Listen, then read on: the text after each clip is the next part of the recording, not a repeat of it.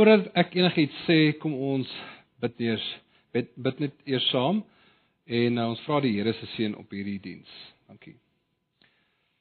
Hemelse Vader, Here ons eer U, ons het nou net U geëer in ons sang en ons wil U aanbid, Here, ons wil vanoggend iets van U sien, Here. So ek vra Here, sal U Uself aan ons kom openbaar? Sal U vir ons iets kom wys van Uself, Here? Sodat ons vernuwe mag word en U verheerlik mag word daarin. Here, ek vra veral dat U asseblief vanoggend met hierdie kromstok reguit hou sal slaan, Here. Ons vertrou op U, Here, en ons vra U, Here, dat U vanoggend vir ons wil kom besoek. Ons vra dit in die naam van die Seun Jesus Christus. Dankie, Here. Amen. Goeiemôre almal. Ek wil net ook vir die besoekers welkom sê en welkom vir van my studente wat vanoggend hier is. Julle het my al gesien in 'n ander hoedanigheid as agter 'n kansel, so julle sal weet dat ek God se genade nodig het net soos enige ander mens. Nou ek het van al vanoggend God se meesterlike hand nodig om my hand te vat om 'n akkurate karakterskets van hom te doen en dit is wat ek vanoggend wil doen. Ek wil 'n karakterskets van een van God se eienskappe vanmôre doen. Nou so ruk terug het ek 'n reeks begin oor die kennis van God.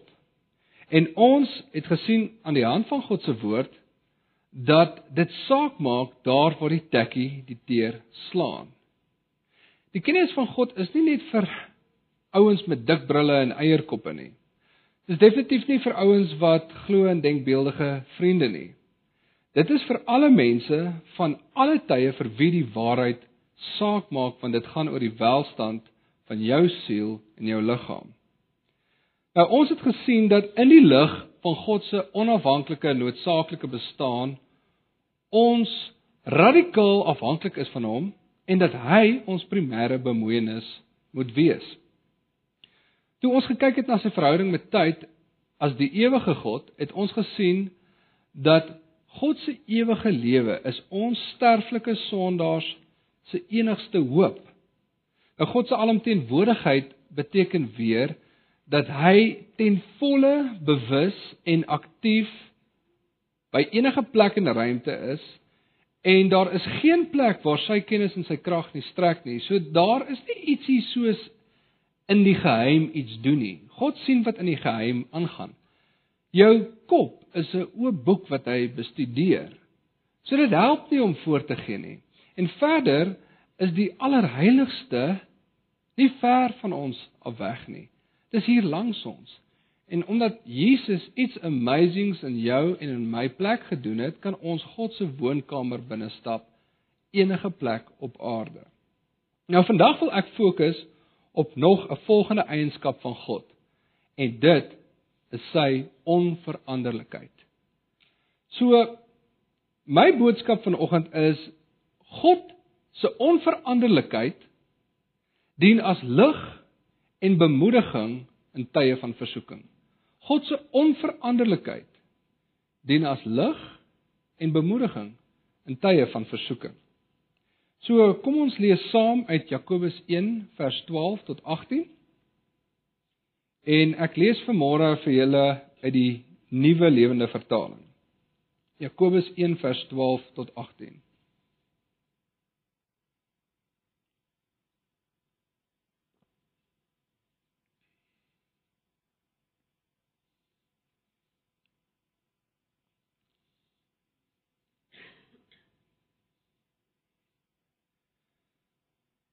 Vers 12.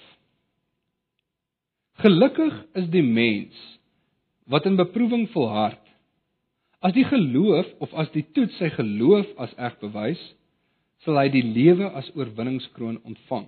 God het hierdie lewe beloof aan hulle wat hom liefhet.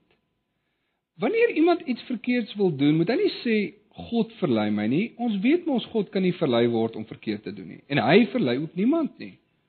Ons eie sondige begeertes beproef ons, sleep ons saam en verlei ons.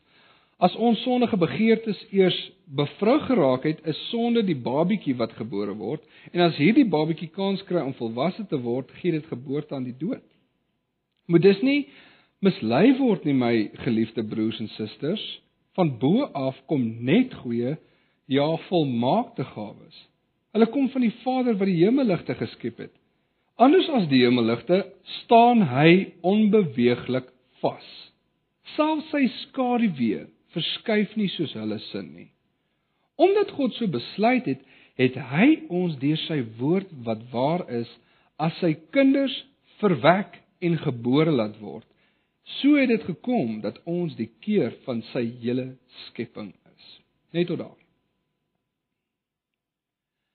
Nou ek wil hê julle moet vanoggend aan twee konsepte saam met my dink en sien wat is die verbintenis tussen hierdie twee konsepte.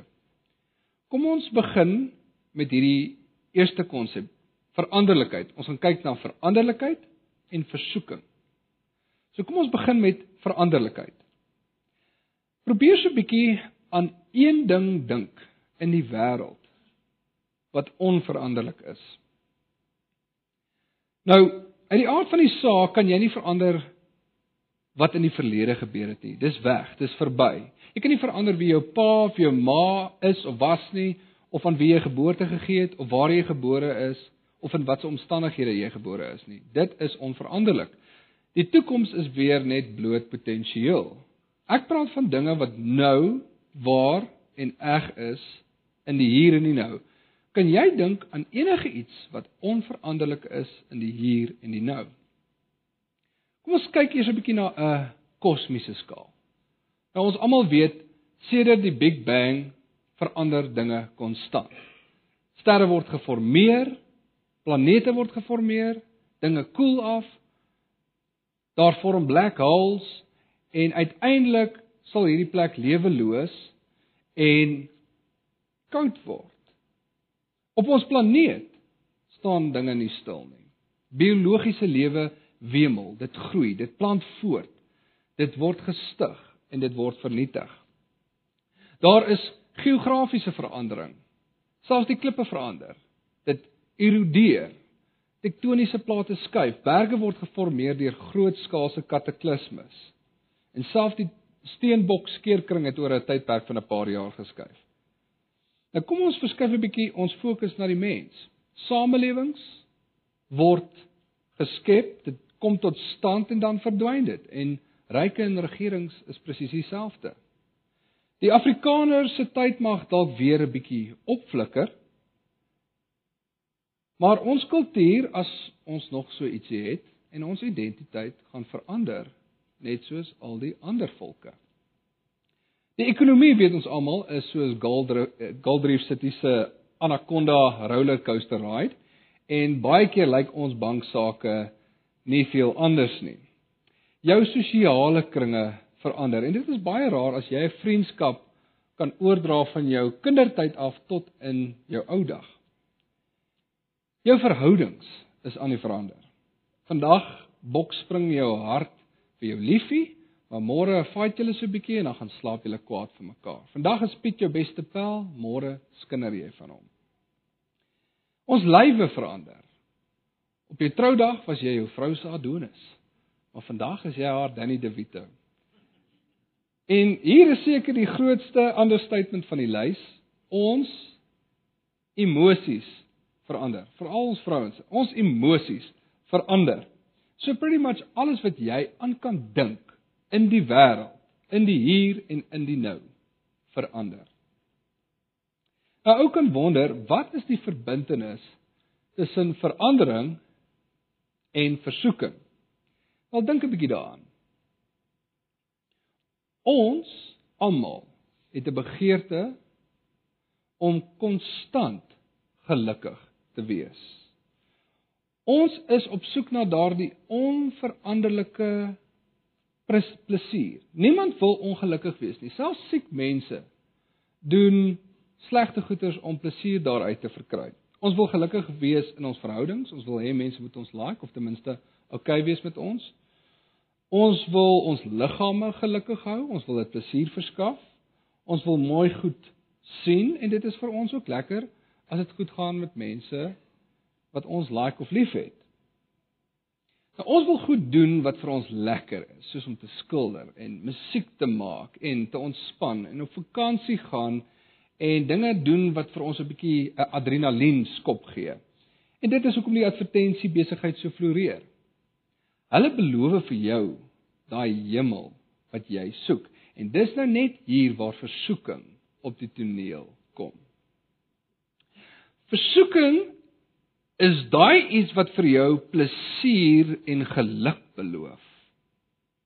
Maar dis nie heeltemal reg nie. Daar is iets verkeerd staan. Dit is daai aantrekkingskrag om iets te doen of te sê of te dink of te wil hê of te koop of te voel wat jy dink vir jou lekker gaan wees en jou regtig gelukkig gaan maak, maar daar's ietsie in jou binneste wat vir jou sê hierdie is nie heeltemal reg nie. Hierdie is nie 'n skoon deel nie. Jy behoort nie so oor haar te dink nie. Jy behoort nie die hele dag hierdie goeders te loop soek nie. Jy moet dalk dit nie vir hom of haar sê nie.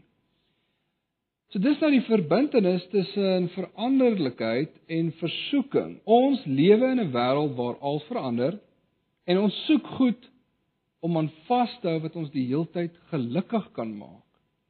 En dan word ons versoek om ons soeke na geluk te vind in goed wat op 'n onvanpaste wyse beoefen word of verkry word. Nou wil ek kyk na wat die Bybel te sê het oor versoeking. En dan gaan ons kyk na God se onveranderlike goedheid en hoe dit ons gaan help om versoeking te weerstaan. So kyk saam met my daarna vers 12. Vers 12 begin met gelukkig is die mens wat in beproewing volhard. As dit toets sy geloof as eg bewys sal hy die lewe as oorwinningskroon ontvang. God het hierdie lewe beloof aan hulle wat hom liefhet. So die vers begin met gelukkig is die mens. Dit is wat ons almal soek. Na daai toestand van onveranderlike gelukkigheid. En beide God en versoeking beloof vir jou daai hemel. Nou, moenie 'n fout maak nie. Die duiwel gaan, ons weet die duiwel gaan nie na ons toe kom met 'n drietand vurk en 'n pyl stert en vir jou vra, "Wil jy nie dalk saam met my hel toe gaan nie?" Nee, hy sit agter daai aantreklike Google image wat opspring as jy eintlik vir iets anders gesoek het. Hy sit agter daai pel van jou wat vir jou sê, "Ag, dude, almal doen dit." Hy sit agter die advertensies wat vir jou sê, gehoorsaam jou dors of die sosiale media wat jou depressief laat voel omdat jy nie so 'n awesome lewe soos jou vriendin het nie en ook nie met so 'n mooi man getroud is nie. Hy hou vir jou iets konkreets voor wat jy dalk mag like. En die vraag is wat het jy lief? Nou God beloof die goeie lewe vir almal wie hom liefhet. So wat het jy lief? Daar is nou wel 'n vereiste as jy dit wil hê wat God beloof, naamlik die goeie lewe, die ewige lewe. En dit is as jy volhard in geloof. Vers 12 sê gelukkig is die mens wat in beproewing volhard as hy toets sy geloof as eg bewys.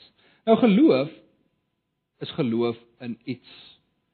Dit is daai lepel wat die pap opskep en jy sluk.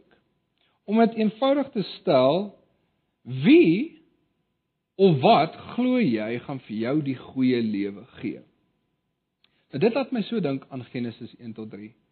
God skep hierdie wonderlike wêreld vol lewe en diversiteit en hy sit ons in hierdie paradys met die mooiste bome en die lekkerste vrugte als werk Jy's crazy oor jou lovey, jy het 'n great job en jou status kan nie beter nie. Verteenwoordigers van God op aarde. Ek meen hierdie is hemel op aarde. Dit is die goeie lewe. Maar nou kom die duiwel en hy gee vir ons te ken maar weet jy wat God weerhou actually die goeie lewe van jou. Ehm um, dis nou great dat jy ehm um, verteenwoordiger is van God op aarde, maar jy kan actually sy job oorvat deur hom self vir jou te besluit wat goed is. Dit is mos lekker. Dit is mooi. Dit gaan jou grand laat lyk. Like. Just do it. So wie gaan jy glo? Wie se woord gaan jy vat? Wat of wie het jy lief? Nou ons ken die res van die storie. Dit is ons almal se storie. Ons dink baie keer dis in die mooi goed van die lewe. Die goed wat ons lywe lekker gaan laat voel. Die goed wat ons grand gaan laat lyk, like, waarin die goeie lewe is. En wat crazy is is dat ons al hierdie goeders gehaat het voor die val. Maar toe kom 'n slim slang en hy oortuig vir ons dat ons eintlik 'n second-hand deal gekry het en hy het die real deal. Nou, ons moet nie maak asof ons nie weet wat hiervan gepraat word nie. As ons nie almal al op 'n punt in ons lewe vergenoegd met dit wat ons het nie. En ewe skielik verskyn daar 'n ietsie, 'n gadget, 'n musiekinstrument, 'n girl, 'n posisie by die werk, verskyn dit op die toneel en ewe skielik is jy onrustig. Jy is nie vergenoegd. Jy voel dat jou geluk nie volkome is totdat jy nie daai ding in jou besit het nie. En maar wat gebeur as jy daardie sinker sluk?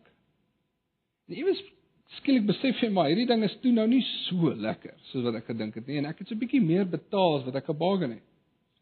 Wel dan soek ons 'n scapegoat, iemand of iets om te blameer. Dis die vrou wat u vir my gegee het, sê die man. Wie of wat blameer jy vir jou flaters? Kom kyk saam met my na vers 13. Daar lees ons: Wanneer iemand iets verkeerds wil doen, moet hy nie sê God verlei my nie.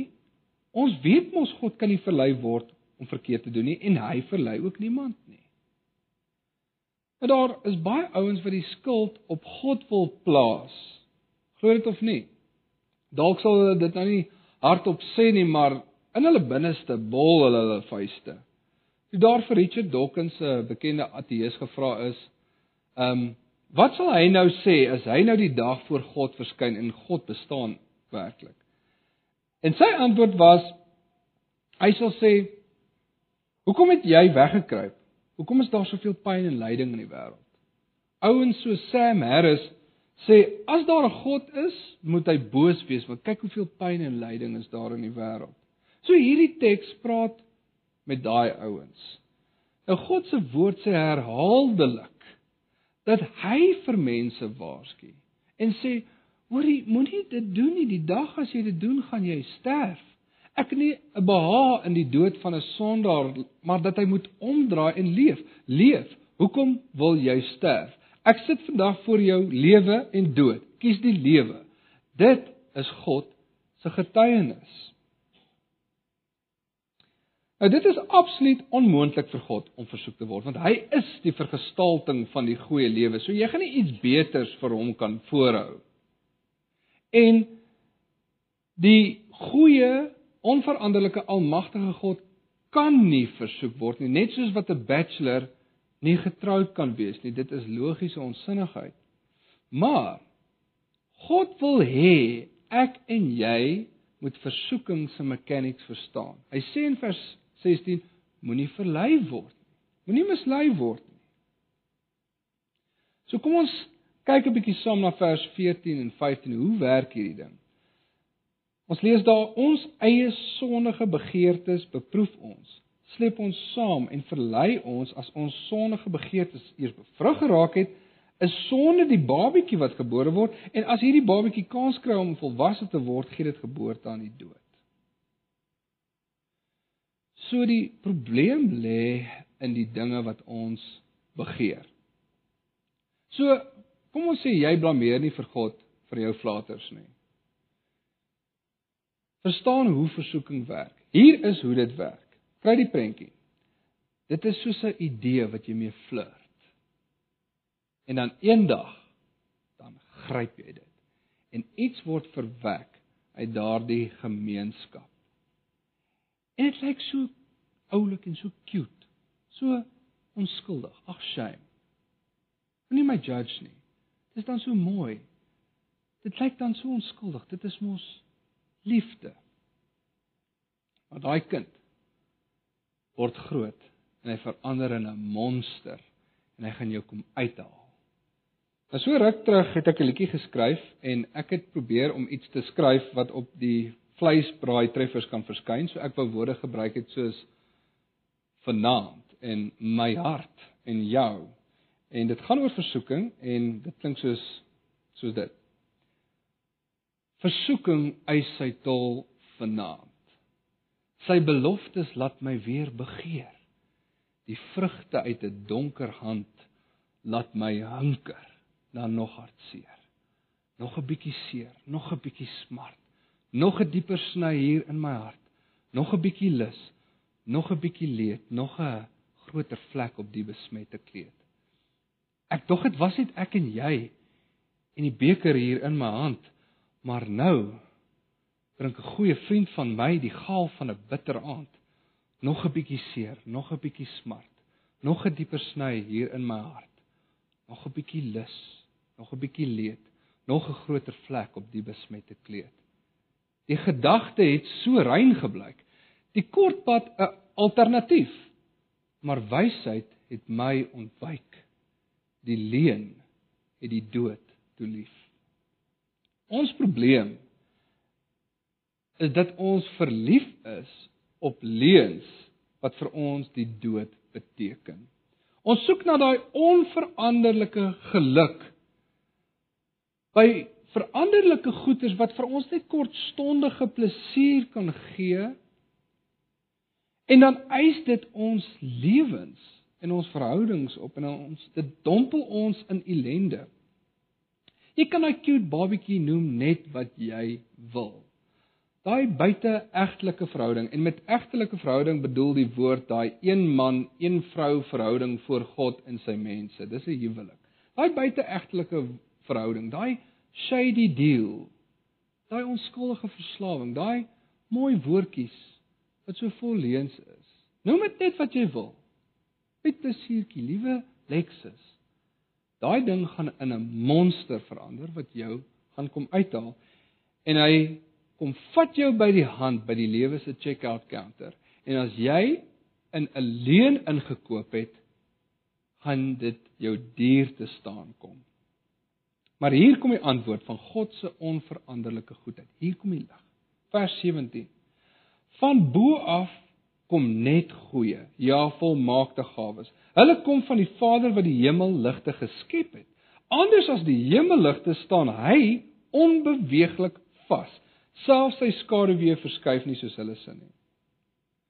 Soek jy na iets onveranderliks wat jou vir altyd gelukkig sal maak? Hier is die antwoord die onveranderlike goeie God.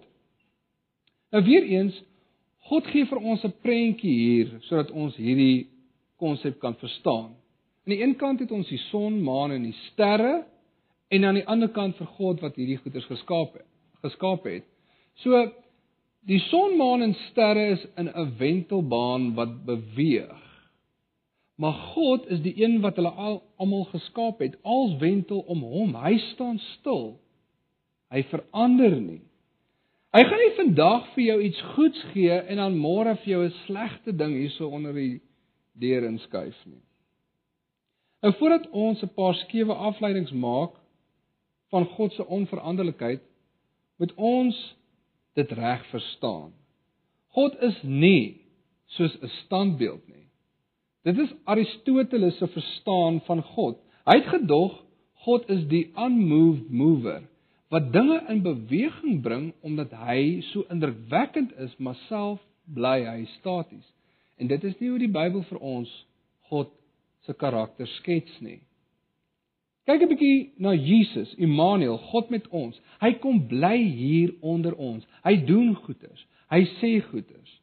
So wat is dit van hierdie dinamiese lewende God wat onveranderlik is. Kom ons kyk gou na 'n paar teksgedeeltes. Ek gaan net vir julle lees.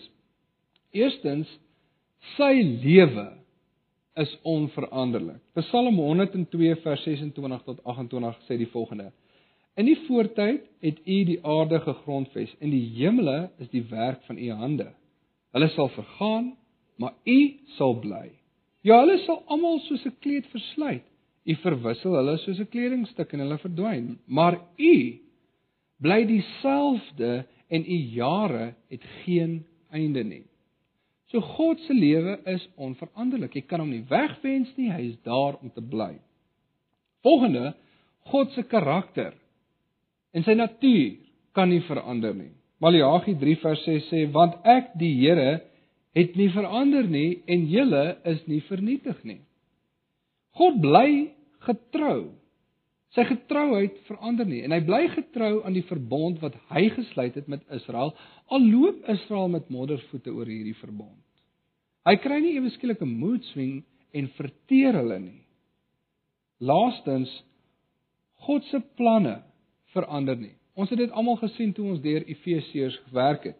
In Efesiërs 1 vers 3 tot 10 lees ons van God wat goed beplan voordat hy die wêreld gemaak het op grond van sy eie raad en dat hy nou besig is om daardie plan te laat verwerklik. Nou, ek gaan dit nou nie lees weens beperkte tyd nie, maar gaan lees weer gerus Efesiërs 1 vers 3 tot 10. God het nie 'n plan B nie. Dit is plan A van begin tot die einde. So God se lewe, sy karakter en sy planne en sy wil verander nie. Dit is onveranderlik. Weereens kyk na Jesus. Hy het blindes se oë geopen. Hy het stommes laat praat. Hy het siekes gesond gemaak. Hy het dooies uit die dood uit opgewek. Hy het sondes vergewe. Geen net goeie gawes. Hy het sonde veroordeel. Hy het trots en skynheiligheid veroordeel en jy kon nie een klein verkeerde dingetjie in sy mondering kry nie. Hy is onveranderlik. Nou baie ouens dink dat God 'n skadu kant het. Soos as hy mense straf en kwaad is vir ons. Maar Johannes sê vir ons God is lig en in hom is geen duisternis nie. So selfs sy heilige woede is goed. En dit is ons grootste probleem. Ons is slegte mense en ons bevind onsself in 'n goeie God se heelal. Nou soos die son lewe moontlik maak op hierdie planeet, maar as jy bietjie te naby daaraan kom, gaan dit vir jou veras.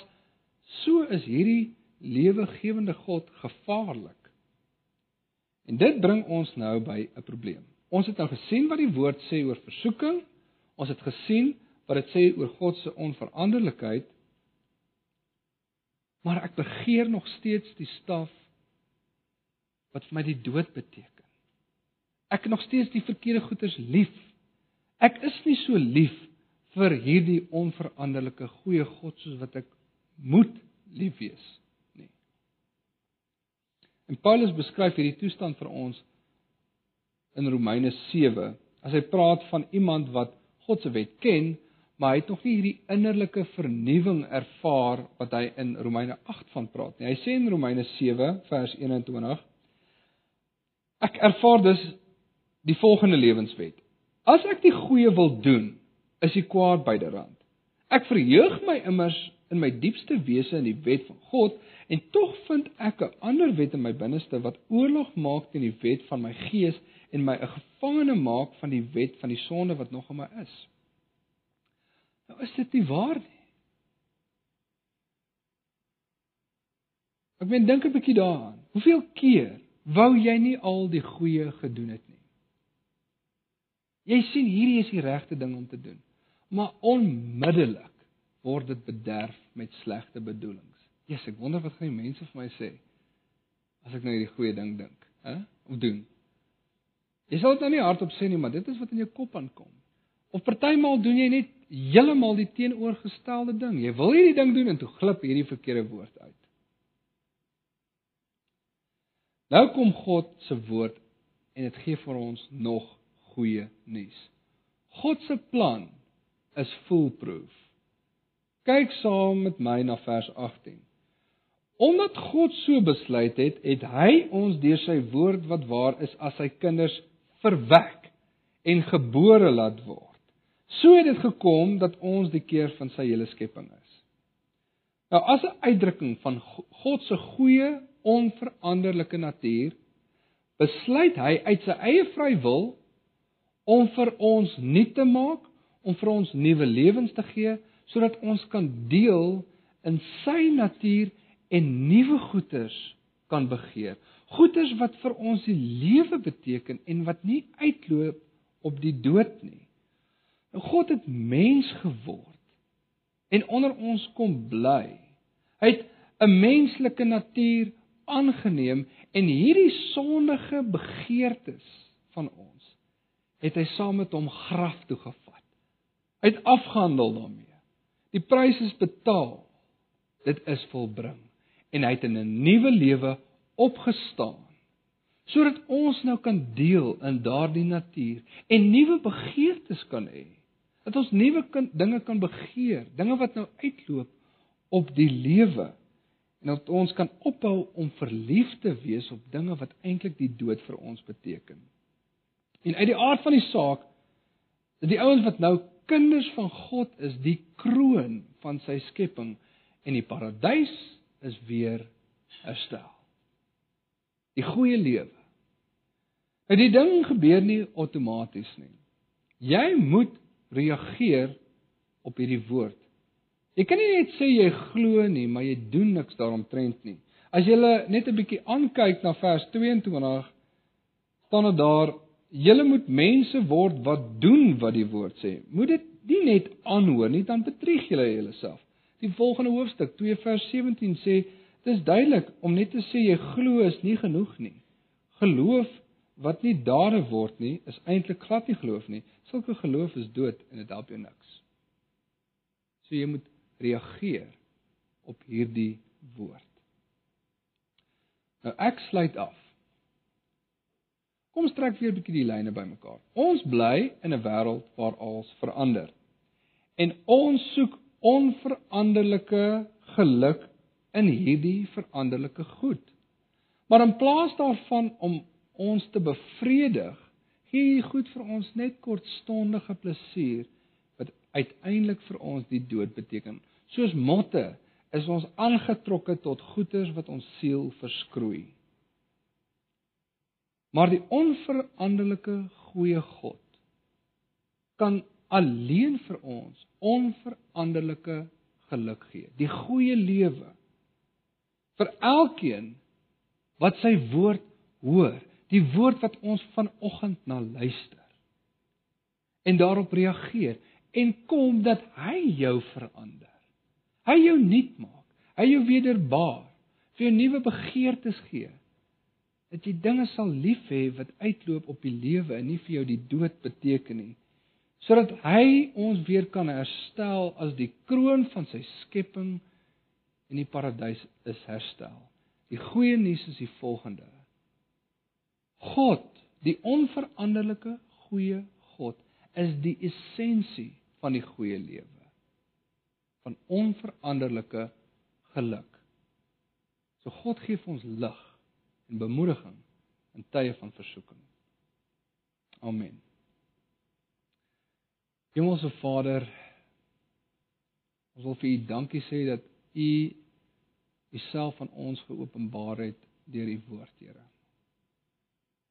Wil vir U dankie sê, Here, dat U nie verander soos al die ander goeders rondom ons nie, Here. Here dat ons kan weet aan U regterhand is plesier vir ewig, Here. Here, maar ons het 'n probleem. Ons like die goeders wat vir ons die dood beteken, Here, en ons weet, Here, U kan iets daaromtrent doen, Here.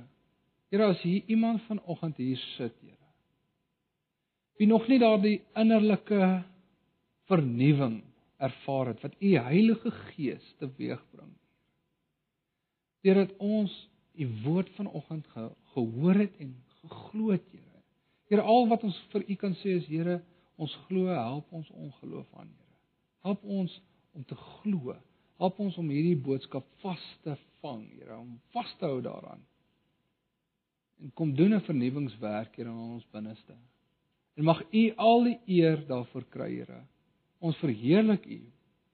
Want die goeie lewe is alleen in U te vind, Here. In niemand en niks anders nie, Here. Mag die onveranderlike goeie God in ons werk om nuwe begeertes te hê, sy begeertes dat ons die dinge sal begeer wat uitloop op die lewe en dat ons vernuwe mag word sodat hy verheerlik kan word in hierdie week wat kom.